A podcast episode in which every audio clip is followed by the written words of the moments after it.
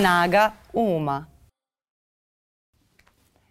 Dobar dan, dragi ljudi, dobrodošli u podcast Snaga uma, gde iz ponedeljka u ponedeljak nastojimo da razgovaramo o nekim temama koje nas možda i previše okupiraju. Kao što ćemo pričati ovog ponedeljka, moja današnja gošća je doktorka i autorka Katarina Bajec, sa kojom mi je mnogo drago da razgovaram o tome kako se osjećamo kada odemo kod lekara i do koje mere nam je potrebna neka vrsta veštine da bismo se snašli u našem zdravstvenom zdravstvenom sistemu pronašli pravog lekara i nemali taj osjećaj kada idemo kod lekara kao da kupujemo mačku u džaku. Mislim da je to nešto što je svakoga koji je ikad imao zdravstveni problem dotaklo na ovaj ili onaj način. E, kad će dobro mi došla? Miljana, hvala ti puno na pozivu i zadovoljstvo mi je da sam konačno i ja u tvom podcastu. Moram da ti kažem da sam zavidela svakom ko je bio. Ja i meni mnogo, mnogo veliko zadovoljstvo što sam te konačno ugostila. Podcasti obožavam. su ti divni, razgovori zaista onako ovaj, dotiču svakog, tako da puno ti hvala i iskreno imam i tremu ne, ne, ma kakva trema ovde, da li, ovaj, kako se zove, nemoj mi to sad, i nemoj da krenemo sad u ovoj priči, znači tako da me izbaciš iz, ovaj, iz teme i da me ja raznežiš na početku, pa ću onda Eto. ja sada da, o, da, da se spetljam. A, ali kako ti se čini ova tema? To je neki moj subjektivan osjećaj koji imam i mislim da se to čak i ne tiče samo ljudi koji e, se, da kažem, leče na zdravstvenu knjižicu i da nema čak ni toliko veze sa finansijskim tim nekim mogućnostima i ljudi koji se leče privatno i oni koji ne razmišljaju o finansijama kada ih nešto zaboli, e, a to je isto veoma bitna stvar, e, opet moraju da imaju neki sistem snalaženja. I taj koncept da se za većinu nekih usluga tipa porođa i tako dalje podrazumeva da ti sada babici treba da odneseš toliko i toliko para i tako dalje. To je sve nenormalno. I, i, i činjenica je da ti unosi neko neki osjećaj, osjećaj nesigurnosti i nenormalnosti u tim životnim situacijama kada smo najranjiviji i naj, najslabiji u stvari. Pa negde ja mislim da uh, uopšte kada smo ti ja na jednoj neobaveznoj kafi, mm -hmm. uopšte kada si ti meni pomenula ovu temu i rekla kako je to nešto što je interesantno, zaista si me prijatno iznenadila jer nekako čovek ni ne razmišlja da posmatra sve ono što se dešava sa zdravljem čak iz tog ugla upravo ovog o kome ćemo mi danas razgovarati i ovaj koji si ti pomenula. Jer negde čini mi se da većina zdravlje podrazumeva do trenutka kada se suoči sa činjenicom da zdravlje na neki način je narušeno ili da ga neko gubi i tada tek kreće razmišljanje o zdravlju, onda kreće jedan vrtlog u kome se ti nađeš da ne znaš kako da odabereš lekara, pa možda si nepoverljiv, pa onda tragaš stalno za nekim novim mišljenjem, za nekom novom rečenicom, za nekim novim lekom, pa se onda i tu malo izgubiš. Tako da čini mi se da ima svega. Mislim, uh, ono što ja mislim da će svakako biti zaključak je da zdravstveni sistem ima prostora da bude još bolji, ali svakako da ovaj, treba što više pričati o tome. Ali činjenica je da ti danas uh, moraš da se raspitaš o lekaru e, i da to raspitivanje isto ima neki način na koji treba da se radi. Jer nekad lekari koji koji su veoma popularni, na primjer u javnosti, u medijima. Tu Google pretraga recimo ne znači ništa.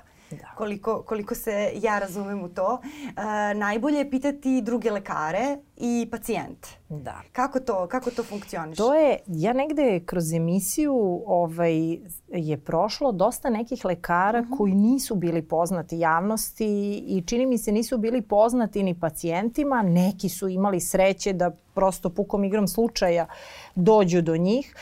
I uh, onda se prosto otvorila jedna, jedan nov put i za te lekare, a ono što je moje još veće zadovoljstvo za te pacijente.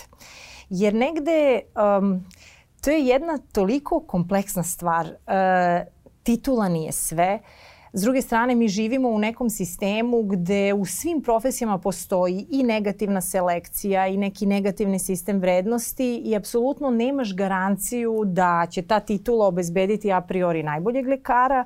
S druge strane, imaš lekare koji su sjajni, koji se posvećuju pacijentu, koji imaju, ja volim to da kažem, uh, sećam se kad sam upisivala medicinu, hajde mala digresija, govorili su um, kad smo došli na fakultet i masa i asistenata i profesore govorila pa da, mi smo se spasili na medicini, pobegli smo od matematike. I meni je to, ta rečenica je meni zvučala prosto onako e, nelogična za opet moj matematički mozak, jer sam išla u matematičku gimnaziju, ja sam smatrala da je matematika prednost, jer te matematika u stvari uči logici, ako je konzumiraš na pravi način. I logika ti treba u svakoj profesiji. I onda mi je bilo neshvatljivo da u jednoj profesiji gde ti treba da razumeš svaki segment jedne ogromne celine koja mora da funkcioniše savršeno ili gubiš zdravlje, ne daj Bože gubiš život, kako sad ti treba da, da pobegneš od matematike. I onda shvatiš da u stvari imaš lekare koji imaju, zato sam i napravila digresiju, što ja kažem, taj um, logički mozak gde oni tebe kao pacijenta posmatraju kao celinu, a ne samo neku svoju usku oblast, gledaju široku sliku i možda nisu imali prilike ili im sistem nije dozvolio da imaju neku titulu, a vrede sve titule možda nekog drugog lekara. Tako da... To je u suštini ona ekstremna verzija toga je Dr. House koji ne gleda jest. samo to šta, šta te boli, nego tretira u svakom trenutku ceo organizam kao neku uzročno-posledičnu vezu u stvari. A znaš sam Pravilo je da, da ti gledaš mhm. pacijenta izvini od trenutka kad on uđe na tvoja vrata. Da. Ti posmatraš ceo njegov aspekt, jer vrlo često sama ta inspekcija će ti otvoriti neka vrata. Onda ide onaj razgovor sa pacijentom koji je 50% dijagnoze ako ga uradiš na pravi način. I negde taj razgovor je trenutak kada i pacijent treba da stekne neki odnos sa tobom i da stekne ono najvažnije, čini mi se što treba da opredeli pacijenta, to je poverenje. E, to poverenje. Um, do koje mere je važno da se mi dobro osjećamo kod lekara? Jer to se meni, uh, moja mama je ceo svoj živ, ono, profesionalni vek provela u domu zdravlja kao, šef, kao ekonomiskinja, ali je ceo život radila u zdravstvu i sa lekarima. To je ja odličan ugao. Odra, da, ja sam odrasla uz lekare i stalno sam slušala te to kao ako se lekar izdere na tebe zbog neke sitnice koju imaš, beži, menja i lekara, šta bi, kako bi se ponašao da ti pronašao, ne da bože nešto maligno ili tako dalje. Kao uvek po tome gledaš gledaš i nekako to sam naučila kada vidim da neko šizi kao ok, to je tvoja šauma, ja ću da nađem nekog lekara koji nema šaumu. Uh, I, na primjer, taj neki model, te neke stvari, uh, jer nam kad, kad je loše, e, i kada, kada smo uplašeni, kada smo nesigurni za svoje zdravlje, veoma ćemo lako da se povedemo uh, za, za nečijom tom harizmom ličnosti koja ima tu potrebu da sada bude autoritet nad nama koji je agresivan i da se onda osetimo loše. Kako, tu, kako ti da. recimo da. biraš lekara? Šta, šta je za tebe ima, red flag? Ovako, ima mm. jedna izreka koju ja stalno volim da pomenem i da podsjetim ljude na nju koja kaže ako ti posle razgovora sa lekarom nije bolje, onda to i nije lekar šta se sve krije iza te izreke. Prosto zvuči jednostavno, a u stvari je mnogo toga samo tom jednom rečenicom izrečeno. Dakle, taj razgovor pacijentu strašno puno znači i to možemo potpuno da podelimo na, dve, na dva koloseka. S jedne strane, naučno, medicinski, terapijski. Ti razgovaraš sa pacijentom i prosto treba da mu objasniš sve. Od toga šta znači sama njegova dijagnoza, odnosno njegov problem, zašto je taj problem nastao, da mu raščani šta je ono što on može da uradi da taj problem eliminiše ili umanji, a šta je ono gde ćeš ti kao lekar intervenisati i njemu pomoći sa adekvatnom terapijom. I ne postoji taj jedan lek koji ćeš ti kao lekar da daš, a sve ostalo se ne promeni, taj pacijent neće biti izlečen ti ćeš njemu pomoći u tom trenutku, ali on pretenduje da ima neki problem, hroničan problem ako možda mentalno nije rešio neki svoj sukob ili neki stres, dakle bilo šta. Tako da iz te terapijske strane razgovor s pacijentom nakon postavljene dijagnoze je važan. S druge strane postoji ovaj moment neke prosto čovečnosti. Mi stalno govorimo da je naš poziv jedan od najhumanijih. Lekari treba da budu humani. E, činjenica jeste da se ti od početka fakulteta srećeš sa nekim teškim situacijama i teškim dijagnozama. Ja nikad neću zaboraviti svoje vežbe iz pedijatrije. Ja se i dan danas naježim kada pričam o tome gde sam tako ušla u prosto studentsku grupu na fakultetu koja je prve vežbe imala na odeljenju hematonkologije na pedijatriji u Tiršovoj. I za mene je to bio šok. Uh, prosto uh, sećam se da smo nakon toga imali redovan sistematski pregled u Sudanskoj poliklinici gde je meni izmeren pritisak koji ja nikad nisam imala visok pritisak i ne mogu ga ni dan danas. U tom trenutku meni je bio pritisak nešto 160 sa 100 da su me slale neka ispitivanja da bi shvatili da sam ja u stvari se taj dan jednostavno uznemirila iako to svesno nisam, nisam toga prosto ni bila svesna koliko je mene to negde pomerilo. I Što je normalno da se Potpuno normalno, da. ali negde je tokom studija i često će se čuti rečenica, pa dobro, ali lekari oguglaju, odnosno oguglaju zvuči ružno, ali nauče negde sebe da sačuvaju, da prosto ne možeš da prođeš kroz sve to baš na isti način svaki put, jednostavno naučiš da, da imaš neku svoju branu. Ali opet s druge strane, brana ne znači gubitak osjećanja. Da. Dakle, ti stalno moraš da pođeš od toga, ja se sećam i kao mlad lekar i negde i čitava ideja emisije potekla od toga što sam se ja stalno pitala kada su me kao mladog lekara na hodniku zaustavljali pacijenti sa papirima da me pitaju ali šta je ovo lekar napisao? a oni samo što su izašli iz lekarske ordinacije. Znači, ništa im nije bilo jasno. Ja sam razmišljala, Bože, šta da je sad to moja mama ili moja baka ili moj tata a, ili moj deka kako bi se ja osjećala, pa moram da im objasnim, moram da ih vratim ako treba da ih vratim da čuju još jednom ako im nešto nije bilo jasno. S druge strane, kad, taj, kad pacijent oseti da ti imaš taj moment sa osjećanja sa njim, dakle, rekli smo ova terapijska strana, ali taj moment ljudskosti gde ti pokažeš da ti zaista razumeš šta je to što taj pacijent treba da prođe. Uh, opet da mu daš i neku nadu. Ja uvek volim da pacijenti iz ordinacije izađu sa idejom da je čaša do pola puna, a ne do pola prazna i da ima nade i da mnogo toga zavisi i od psihe i da vrlo često postoje neke situacije gde jednostavno medicinski su neke stvari delovale jako teške, a opet lek je došao jer je proradila i glava i motiv i želja da se to prebrodi. A opet imamo i situacije gde je bila dijagnoza, što bi mi rekli, relativno lagana, pa se komplikovala i prešla u nešto što je hronično.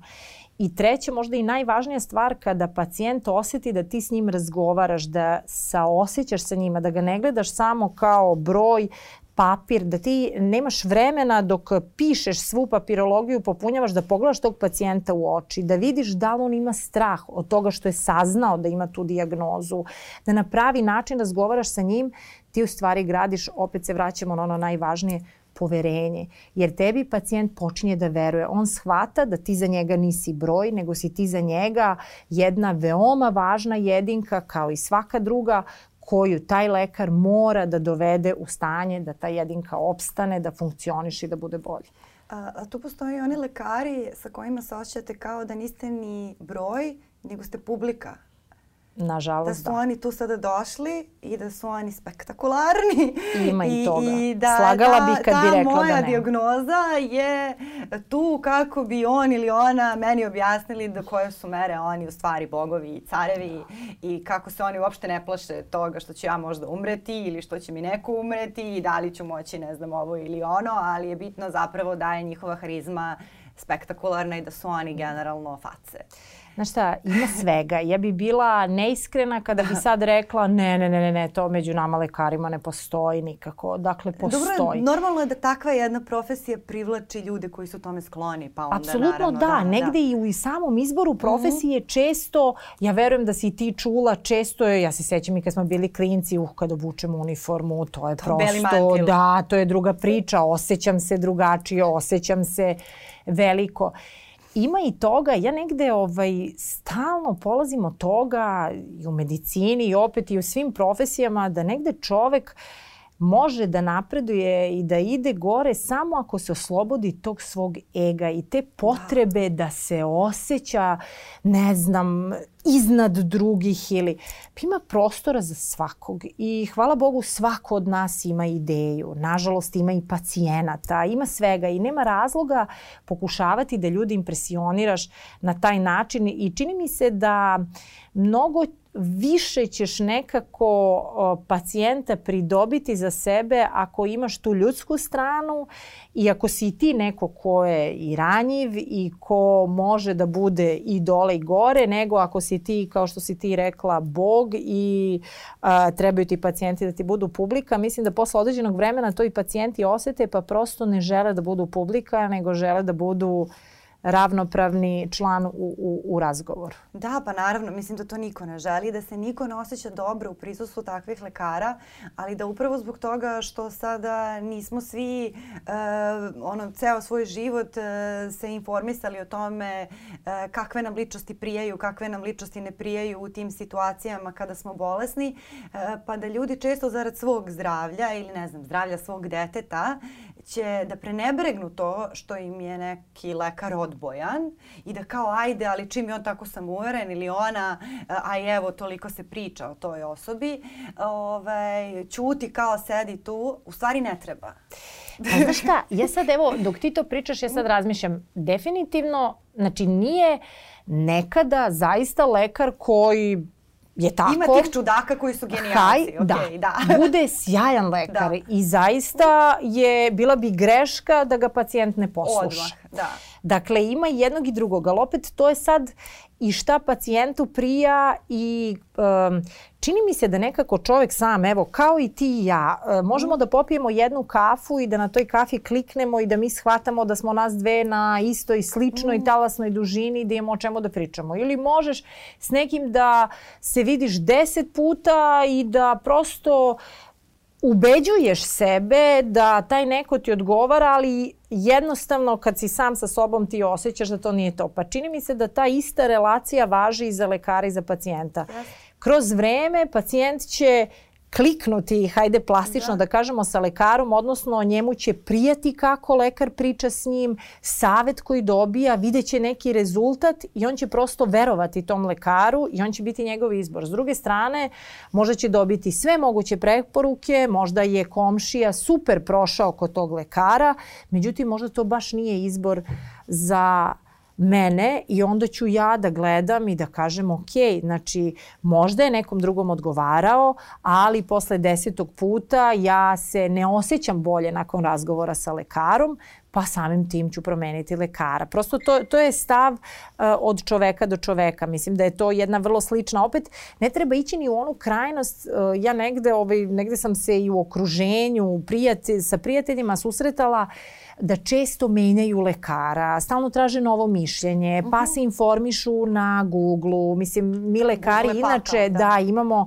taj problem Google doktora jer su tu informacije koje su vrlo često neselektivne, eh, polovično ili pogrešno protumačene iz mnogo ozbiljnijih studija koje treba tumačiti na drugačiji način i onda eh, eh, ti jednostavno u tim situacijama stalno tragaš za nekim novim, da čuješ još jedno mišljenje umesto da se uhvatiš u koštac sa tim sa čim se suočavaš i da rešiš svoj problem, imaš rešenje, dobiješ rešenje, ne, ti stalno ideš po još jedno mišljenje. Nemam ništa protiv da se dobiju različita mišljenja, ali kada to postane onako da ti na sedam dana menjaš lekara, e onda je to opet problem jer čini mi se da je tu onda najviše na gubitku upravo pacijent, da. a najmanje lekar. Da, taj Google doktor je zaista problem. Mislim da, da, da je prva da. stvar, isto kao što biljni čaj nikada ne može da odmogne, neke stvari može da izleči, neke stvari yes. ne može, ali neće odmoći. Tako mislim da e, šta god da nam u životu fali, sigurno nije pogrešan savet, ne idite na Google.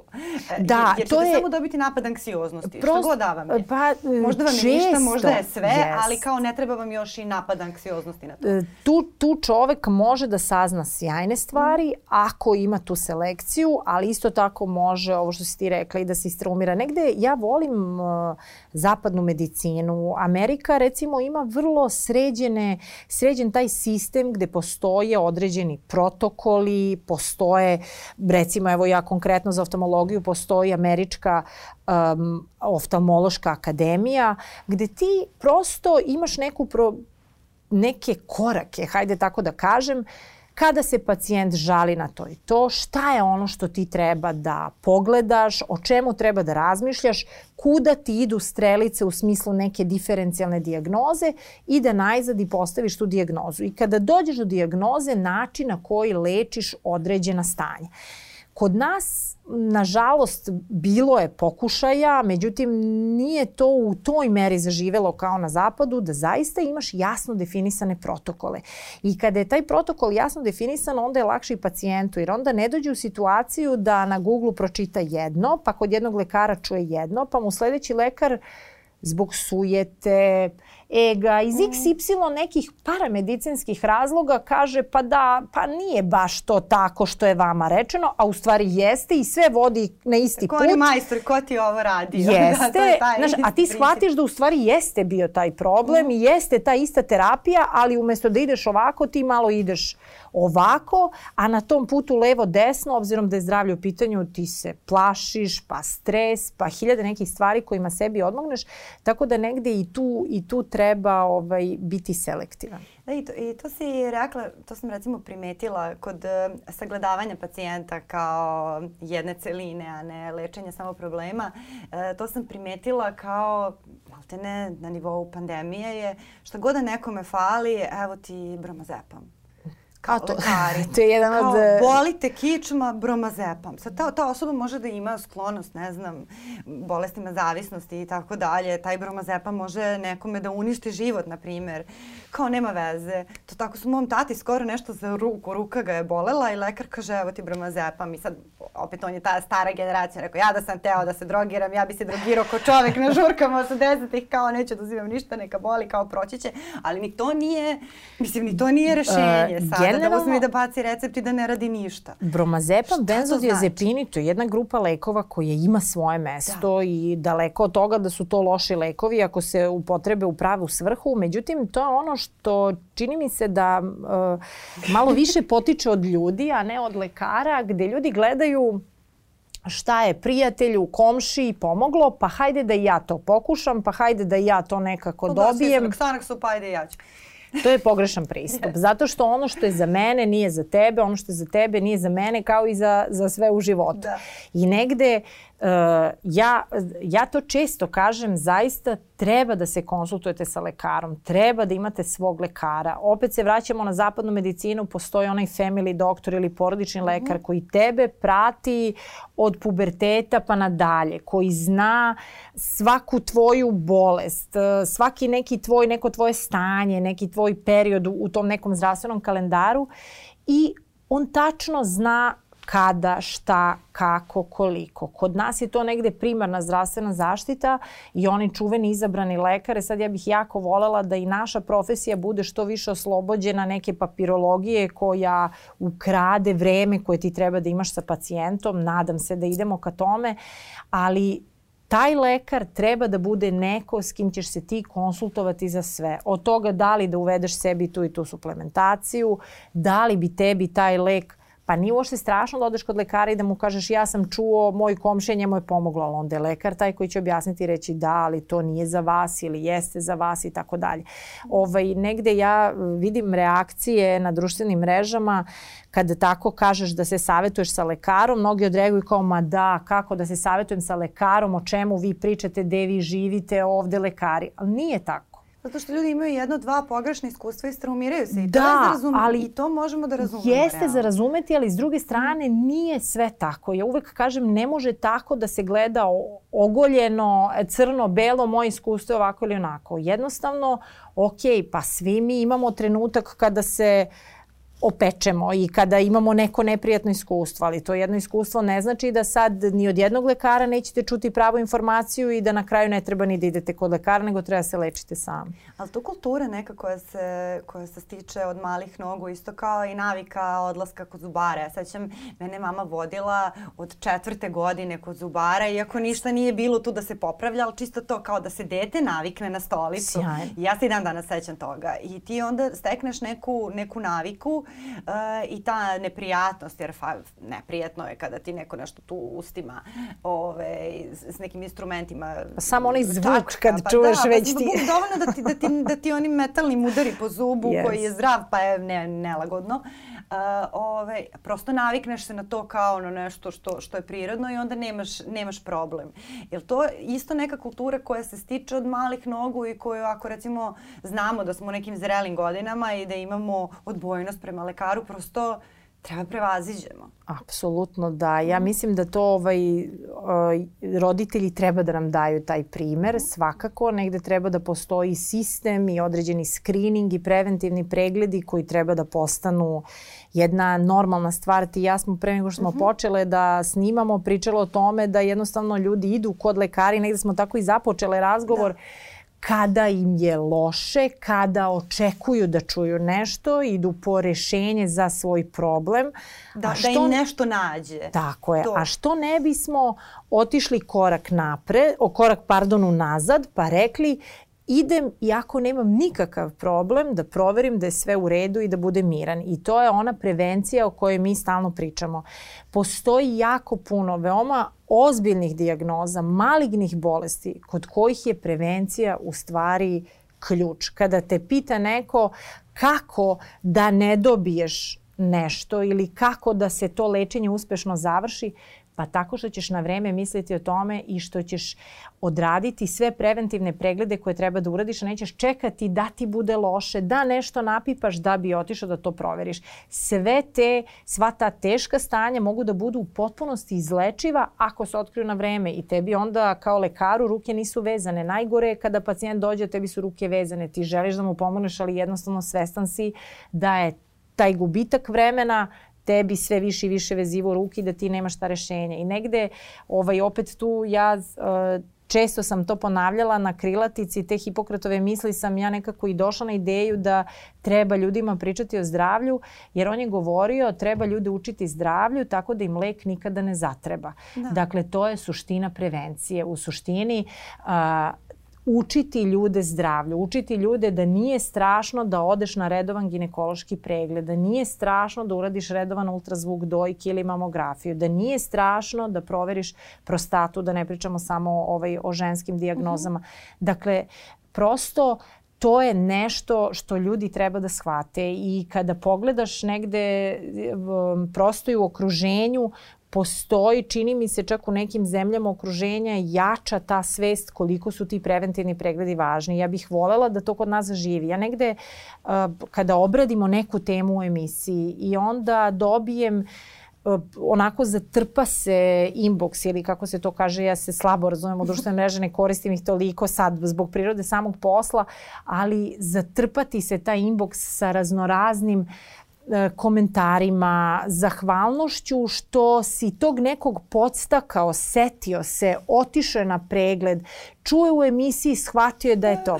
Ko mene. Iskreno ću ti reći, meni je srce puno. Znači, za mene je to, uh, ja i dan danas se bavim pacijentima i nisam taj segment uh, svoje medicine uh, napustila, obzirom da sam otišla i u ove medijske vode, ali uvek izdvajam kako mi vreme dozvoli i vreme za pacijente i meni srce bude puno kada sam nekome pomogla, kada sam isfitovala neka sočiva što je bilo komplikovano i tako dalje. Dakle, taj osjećaj tebe prosto hrani. E, mene na jednak način hrani kada meni stigne poruka hvala vam, to sam čula kod vas u emisiji, taj taj lekar je rekao to i to, ja sam otišla to uradila i sebi pomogla, mučilo me je mesecima i godinama. Ali to je jako dobra poruka, isto kao što znamo e, za, za ono pravilo da nikad ne ideš, ne znam, u veliku nedeljnu nabavku namirnica e, gladna. Tako je. Zato što ćeš kupiti sve gluposti yes. i zaboravit ćeš da kupiš one neke stvari koje Iako ti zaista znaš da ja to uradim.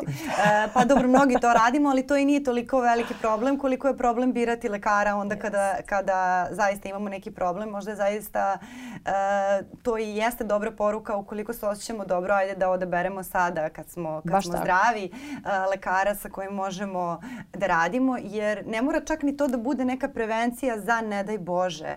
Dovoljno je da uradimo pregled, ne znam, krvne slike, uh, ukoliko nam Tačno. neki vitamin fali, osjećam, osjećat ćemo se bolje. Možda treba da promenimo način na koji se bavimo sportom, da budemo vitalniji i bolji. Tačno. Uvijek postoji neki način, isto kao i sa mentalnim zdravljem, što nikad nije na odmet otići kod psihologa, pa neki deo svog života poboljšati. Stvar... Tako isto i, i, i sa lekarom, ali mislim da tu jeste jako veliki problem i zbog gužvi, zbog zdravstvenog sistema, s druge strane da. to što je skupo. Jako je dobro što neke privatne kompanije sada vidim da imaju radnu obavezu, imaju dogovore sa privatnim nekim bolnicama i to, to, to znam da ima među novinarima i znam yes. koliko novinara nikad ne bi otišlo e, na te preglede da, im, da ne znaju da će im se odbiti od plate maltene na da. kraju godine ako, ovaj, ako to ne urade. Tako da to možda zaista jeste dobro da vidimo ok, koji su to svi neki pregledi, kad ćemo ih raditi i onda Jest. potpuno imaš neki drugi, drugi, drugi pristup tome i drugačije je menjati lekara kad ti ništa ne fali i, i tražiti ga kad već e, ti je, ti je frka. To je, pa to evo i sama si dala odgovor na to da, da je to ovaj, jedan od načina da, da gradiš to poverenje i dok ti ništa, da plastično kažemo ne fali, a onda da to poverenje imaš i kada se, ne daj Bože, problem dogodi od onog najmanjeg do nekog, ne daj Bože, i krup krupnijeg i ozbiljnijeg, ali ja bih jako voljela da kod nas ta kultura sve više i više zaživljava i zaživi. Za mene je to što si ti rekla, ta neka vrsta preventivnih pregleda kroz kompaniju gde ti prosto moraš da se javiš lekaru. To je neverovatno nama pomoglo. Ja sam skoro sa, sa mojim prijateljem koji je često gost kod mene, a spada u grupu lekara koji imaju taj pristup pacijentu, fantastičan, doktor Goran Cvijević koji je endokrinolog, sjajan i koji negde drago mi je da su ljudi prosto ga upoznali -huh. uh, kroz emisiju, oni koji ga nisu znali jer je pomogao velikom broju, to dobijam stalno povratne informacije i negde razgovarali smo koliko se sada, zahvaljujući sistematskim pregledima, otkrije Hashimoto tiroiditisa, što je jedna od veoma čestih dijagnoza, hipotireoze, hipertireoze. To su neke stvari gde ti ranije, u neka ranije vremena nisi rutinski radio hormone štitaste žleze, nego baš kad ti simptomi postanu toliko izraženi, ali tad je već i ozbiljan poremećaj, sada se otkrije na nekim subkliničkim nivoima, u nekoj početnoj fazi gde se stvari reše od neke nadoknade selena do i neke substitucione terapije, ali na pravi način. Tako da mnoge stvari smo na taj način otkrili i o mnogim stvarima sada mnogo više govorimo nego ranije i ja verujem da će se prosto i digitalizacija i modernizacija svega i, i neko vreme koje dolazi omogućiti da i lekari imaju više vremena za pacijenta i za kontakt sa pacijentom. Za mene je najveći poraz ako pacijent iz lekarske ordinacije izađe, a da nije ni pogledao svog lekara u oči, jer je lekar sve vreme pisao svaku reč koju pacijent kaže, pa pisao status, pa pisao terapiju i onda rekao sledeći. Ne, mora da postoji naš razgovor, a lako ćemo i napisati izveštaj i sve ostalo. I negde, sećam se, radila sam deo nekog mog puta je bio vezan veći deo za klinički centar i prođeš i hitnu ambulantu i bude tu desetine i desetine i desetine pregleda i moraš svakog da pogledaš adekvatno, ali nekako ja i sad kad se vratim u to neko vreme ne sećam se ni da sam izlazila umorna, ni da sam izlazila sam levena, meni je jednostavno mene to hranilo i svaki pacijent je izašao, znao je šta je njegova dijagnoza, zašto je to nastalo, objašnjenje šta će se desiti ako nešto ne promeni ili koje će benefite imati ako promeni i za mene je to ovaj, nešto što je prosto obaveza svih nas koje da beremo da upišemo medicinu, da studiramo medicinu i da se njom bavimo. Da, jeste, i, ali mislim da je veoma teško ljudima koji, na primjer, nemaju u svojim privatnim krugovima ili u porodici nekog lekara koji zna lekare ili, ili ovako da, da se u, u ovom našem zdravstvenom sistemu snađu. Ja zaista ne znam koji bi, koji bi tu bio pravi savet, jer mislim da cela ta situacija, to neznanje, ta neizvesnost ako bi nešto mogla da proverim, a ne znam kod koga ću da idem i ne znam na kakvu ću histeriju da naiđem ili nepravdu ili gužvu ili tako dalje, da nas to gura u onu, u onu vrstu zdravstvene anksioznosti, pa dobro neću raditi ništa da, i da, da onda dođemo do toga. I mislim da je to na, jedan od najčešćih, a da ne govorimo o tome kao sad da se ode u, u, u dodatnu krajnost, pa da se onda ljudi koji, ne znam, e, imaju problem s plućima okrenu pušenju ili da prosto dodatno sebi pogoršavamo da, nadam se da to na, na nivou nervoze što se dešava ako neko ima problem sa srcem i visokim pritiskom, pa onda e, od, odlaže da ode kod lekara i malo po malo pa se hrani sve ekstremnije, na primjer, ili ima manje fizičke aktivnosti, sve te neke stvari da. o kojima bi zapravo trebalo da vodi računa, tu baš krene da gazi. E, čini mi se da je to nešto što je zaista dominantan model ponašanja e, i, kako to uopšte izbeći, koja je tu ona prava poruka? Ja mislim da negde edukacija je važna, mm. dakle treba pričati o nekim stvarima, ali opet kad kažem i pričati, svedoci smo u tokom pandemije COVID-a da su se nekad neki sagovornici nekritički birali. Da jednostavno... Nekad.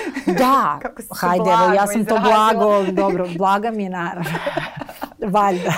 ovaj, ali uh, mora da postoji pravi sagovornik. Uh, to mora da bude osoba koja je od integriteta. S druge strane, to mora da bude i osoba koja dovoljno razume da uh, se obraća jednom širokom auditorijumu gde nije suština gostovanja tog lekara da impresionira auditorijum svojim znanjem latinskih izraza i nekih tako termina, već da impresionira auditorijum jednostavnošću svojih rečenica, objašnjenja, da bi pomogao ljudima koji ga slušaju, da bi im objasnio prave stvari na pravi način.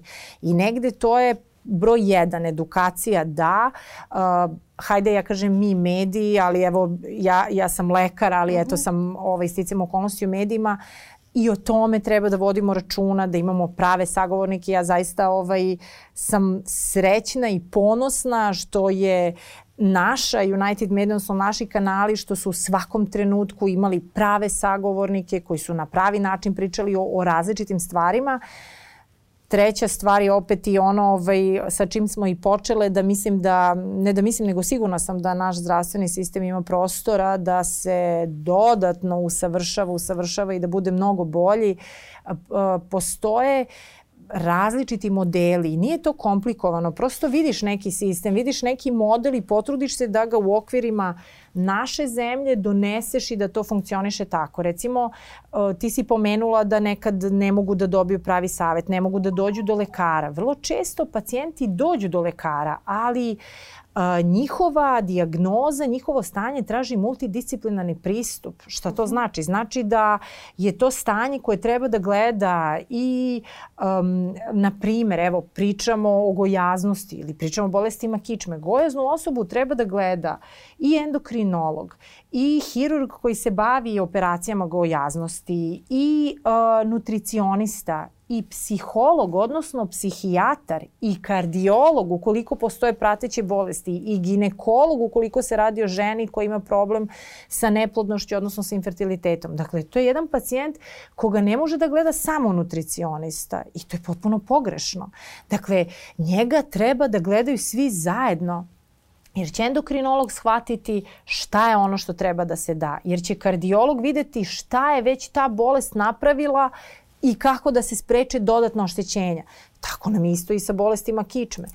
Pacijenti dođu, oni imaju problem, ali oni ne znaju da li to pripada ortopedu, da li to pripada neurohirurgu, da li možda treba da se jave fizijatru, da li je za njih neka fizikalna terapija ili to nikako nije za njih jer će samo da pogorša stanje. E sad, kako se to prevazilazi? Pa u svetu postoje centri za određena stanja za infertilitet, za maligne bolesti, za gojaznost, za bolesti kičme, za hiljade nekih drugih dijagnoza koje zahtevaju multidisciplinarni pristup, postoje centri koji se sastoje od lekara različitih specijalnosti, od sestara, medicinskih sestara i tehničara koji su baš u tome i koji se bave tim pacijentom. I onda šta je rezultat takve organizacije? Pa pacijent ne luta, pacijent ne gubi vreme. U medicini je vreme vrlo često najvažniji faktor u kom pravcu će neko stanje ili neka bolest otići. Da. Nego se nalazi tu. Tu je u timu kome veruje, gledaju ga svi zajedno, svi zajedno o njemu razgovaraju i svi zajedno se trude mu pomognu.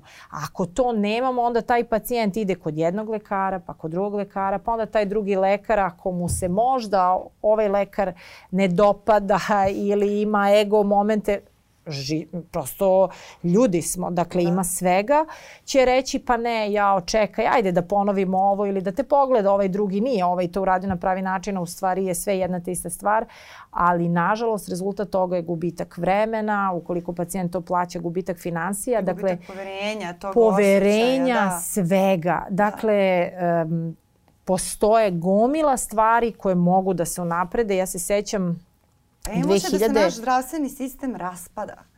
Dakle, pa nažalost to je rečenica... Lekara, mnogo, mnogo je manje uređeno nego što je recimo bilo pre nekoliko godina. Da, Čak to je rečenica 15, koja se da. često da. čuje u, u svim krugovima negde mm. i mi koji smo u medicini čujemo. Ja baš sam i počela nešto u tom pravcu pre nekih pa sada već jedno 12 godina, 2010. Ja sećam, bila sam lekar u kliničkom centru i bila sam oduševljena. Vratila sam se sa nekog putovanja, brat mi je žive u Španiji, bila sam u Španiji, imala sam prilike da posetim jednu veliku bolnicu, Santiago de Compostela i da razgovaram sa lekarima i primili su me fantastično i nekoliko nedelja sam boravila kod njih i vratila sam se onako kao mlad lekar, puna raznoraznih utisaka, kako to sve može da se uradi, kako svet može da se spasi, samo je potrebno vrlo malo, a zaista i jeste tako. Ne želim da zvučim kao Znam, utopista. Znam, sve to e, sa novinarstvom. E, e, to onda razumeš, kad si ubeđena jeste, u tim godinama razumeš, da možeš sve. Razumeš sve. I onda sam došla i u kliničkom centru u to vreme prosto ta garnitura postavljala neke nove neke nove stvari, išla je korak dalje. Ja se sećam da je tada bilo upravo tih centara, formirali su centri, centar za hipertenziju, centar za lečenje gojaznosti. Za mene je to bila fenomenalna stvar. Mm. I to je nešto što ne treba da bude vezano ni za politiku, ni za onog ko je tad vodio tu ustanovu, a sad je vodi neko drugi. Ne, ako je taj neko to dobro uradio, pa nema veze da li je to bila ova politika, ona politika ili ova vlada priznaj, reci, jeste, to je dobro urađeno, to ćemo zadržati. Ono što ne valja, menje. Da. A kod nas čini mi se da se malo vreme izgubi u tom uh, a, nećemo, da, malo više, nećemo da priznamo i onda vrati sve na početak, pa idemo sve iz početka i tako u krug. Tako da onda umesto da, napravimo pet koraka napred, pa se onda vratimo deset nazad, pa opet pet napred. E, dakle, dobrih stvari ima i sada, dobrih stvari je bilo i ranije, ali kada bi svako zadržao dobre stvari, e onda bi mi išli napred. Ove, sad kako privodimo ovu kafu kraju, mislim da je možda i, i najveći utisak ovog razgovora da zapravo mi sa ovakvim zdravstvenim sistemom, naročito ukoliko se ne snalazimo dobro, prosto sebi ne možemo da, da priuštimo, da se uvučemo u sobstvenu glavu, što, što bi se reklo, i da, da, da nas taj strah blokira, nego jednostavno prvo sebi obezbedi lekara, obezbedi redovne preglede i sve što treba, pa uh, se onda i plaši i sve, jer čini se da je taj, taj strah možda nešto što je dominantan osjećaj kod većine ljudi kada idu kod lekara, naročito uh, ako nisu kao stalno bolećivi pa su već navikli, mm. uh, da je to nešto što je, što je normalno, da prosto pre svega moramo, kako znamo, imamo u ovom sistemu koji imamo, prosto imamo jedan život i jedno zdravlje, nemamo vremena da ga izgubimo dok se taj sistem ne reguliše da je to neki, neki možda dominantan utisak. Znaš šta, ja, ja kad to slušam, meni kroz glavu, glavu prolaze neke odlične stvari koje postoje u ovom sistemu. -huh. Dakle, ja uopšte ne mogu da okarakterišem, e sad zdravstveni sistem da. ne valja. Ima sjajnih stvari, sjajnih pomaka.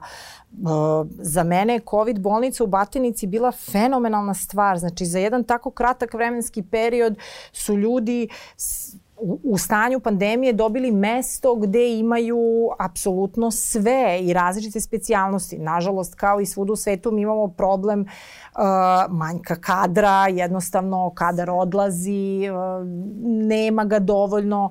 Možda na kraju krajeva ljudi ne žele više da u toj meri studiraju medicinu. U moje vreme se upisivalo hiljade ljudi, sada je to verovatno manja, manja brojka, ne znam tačno, ali opet menjaju se i afiniteti. Nije sve opet se vraćamo na ono, nije sve ni crno, ima i dobrih stvari, kada bismo te dobre stvari zadržavali i nadograđivali da budu bolje, bilo bi dobro, ali mislim da je dosta i do nas. Treba što više da utičemo, da razgovaramo sa pacijentima, da ih edukujemo, da radimo na toj prevenciji, da im pružimo da se pacijenti osjećaju dobro, pa da onda na prvi pregled dođu sa strahom koji je normalna stvar i normalna pojava, normalno je da se plašiš, ali onda da ti kao lekara, to je samo do pojedinca, budeš sa tim pacijentom onakav kakav treba da budeš, pružiš mu i ruku i saosećanje i pravi savet i sledeći put taj pacijent dolazi kod tebe kao što sam ja kod tebe došla da popijemo kafu, da. a ne sa strahom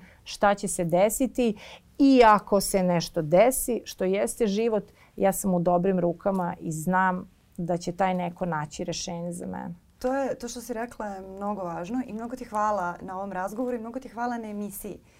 Hvala koju tebi. radiš, zato što mislim da je isto, isto kao i prevencija, preventivni pregledi o kojima si govorila, eh, ta emisija koju radiš ima takav efekat. Eh, svesni smo koliko ima sadržaja i na internetu i na televiziji koji zaista podhranjuju tu anksioznost prema sobstvenom zdravlju i podhranjuju te neke loše navike, da kažem. Jednostavno ta panika koju, koju takvi sadržaj u vezi sa zdravljem bude je senzacionalistična statistička tera ljude da gledaju što više Nažalost, i više. To se isplati, čest. da kažem, algoritmima i kao pojava je veoma problematično i zato, zato sam mnogo sretna što postoji jedna takva emisija Hvala koja je sušta suprotnost i koja je zapravo lekovita. Uh, znam koliko, koliko je prijalo ljudima, na primjer, naročito u tom COVID periodu, uh, kad je sve bilo dodatno pojačano ovaj, da, da, sva, da imaju takav jedan kontakt sa, sa, sa lekarom koji, koji zaista razume i to je mislim jako, jako ve, dobra stvar da se i kroz tvoju emisiju ljudi podsete da ima i dobrih lekara i dobrih načina i da, da kroz tu emisiju kao i kroz ovaj razgovor sada si, si neke ljude ohrabrila da pronađu lekara kakav im odgovara. Da, puno ti hvala. Ja sam se sad i postidela e, od, kako silnih, bilo na početku. Da, od silnih pohvala. Hvala ti puno, ali ja se zaista trudim da se svim gledaocima da informacija koja je samo isključivo zasnovana na naučnim činjenicama, koja je proverena, da su ti sagovornici pravi i da opre, opet u moru stvari koje nekako uvek se zdravlje vezuje za to da je to onako tema i ozbiljna i turobna i teška, da u stvari bude vedra i da negde ovaj, dosta stvari ide iz glave i taj osmeh koji nam je često teško da uh, ovaj, da, da. stavimo na svoje lice. Mislim da je jedan od, ne da mislim, nego ovaj, umniji ljudi od mene su to rekli, je najjeftiniji i najbolji lek vrlo često. Hvala a i dobra prevencija. Hvala ti mnogo još jednom. A hvala i vama na, na vremenu i pažnji. Nadam se da vam je ovaj razgovor prijao. Da vas je možda ohrabrio da odete na neki pregled. Mene znam da doktorka jeste par puta ohrabrila. Um, treba se pregledati, treba voditi računa, treba verovati lekarima. Iako smo zdravi, uvek možemo i uvek treba da budemo zdraviji. A mi smo tu i sledećeg ponedeljka od 14 na Nova RS. Prijetno. Thank you.